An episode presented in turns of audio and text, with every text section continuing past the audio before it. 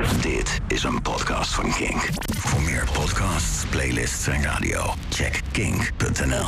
Kink. Kink op de week. In Rotterdam bleek PvdA gemeenteraadslid Narsing Balwansing een huisjesmelker te zijn. Linkse huisjesmelkers, die bestaan dus. Als die een huisje melken, komt er havermelk uit. Kijk, je verwacht bij linkse huisjesmelkers dat alles natuurlijk netjes geïsoleerd is, warmtepomp, zonnepanelen, Jesse Klaverbehang. Maar nee hoor, Naarling Balwansing is gewoon een typische huisjesmelker. Pandje kopen, huurder erin, te veel geld vragen, te weinig onderhoud doen. In Rotterdam vuurde hij een huis met zo'n schimmel op de muur dat je daar met recht kon zingen: er staat een paard in de gang. En qua politieke huisjesmelkers hadden we natuurlijk al Wieberen van Haga met zo'n 150 panden. En Wieberen is juist rechts. Hè. Sterker nog, die is zo rechts dat zijn panden geen eens een deurbel hebben. Je moet gewoon heel hard schreeuwen: Aufmachen! Maar Narsing Balwan Staltig heeft in totaal 23 huizen. En die heeft hij de afgelopen jaren gekocht bij wijze van pensioen. Misschien ligt het aan mij, maar als je geld hebt voor 23 huizen, dat is toch al een pensioen? Ik heb niet eens 23 huizen tijdens een spelletje Monopoly. En ja, ik zeg Monopoly en niet Monopoly. Beetje inconsequent, want ik zeg wel Scrabble en geen Scrabble. Maar dat is omdat ik bang ben dat Scrabble een of ander raar Scandinavisch spel is... waarbij de verliezer een hap rendierskroten moet nemen. Wel drie keer woordwaarde trouwens, rendierskroten. Speel dit weekend weer eens een po- pootje, potje Monopoly. Monopoly.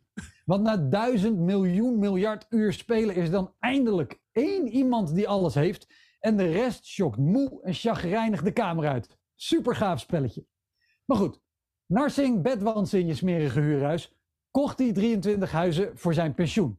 Nou, stel je gaat op je 67ste met pensioen en je haalt de gemiddelde levensverwachting voor een man van 79,7 jaar. Dan moet je geld hebben dus voor 13 jaar. De gemiddelde huizenprijs voor een eengezinswoning in Rotterdam is op dit moment 500.000 euro. Dan heb je dus voor een slordige 11,5 miljoen aan huizen. En in dit geval echt een slordige 11,5 miljoen.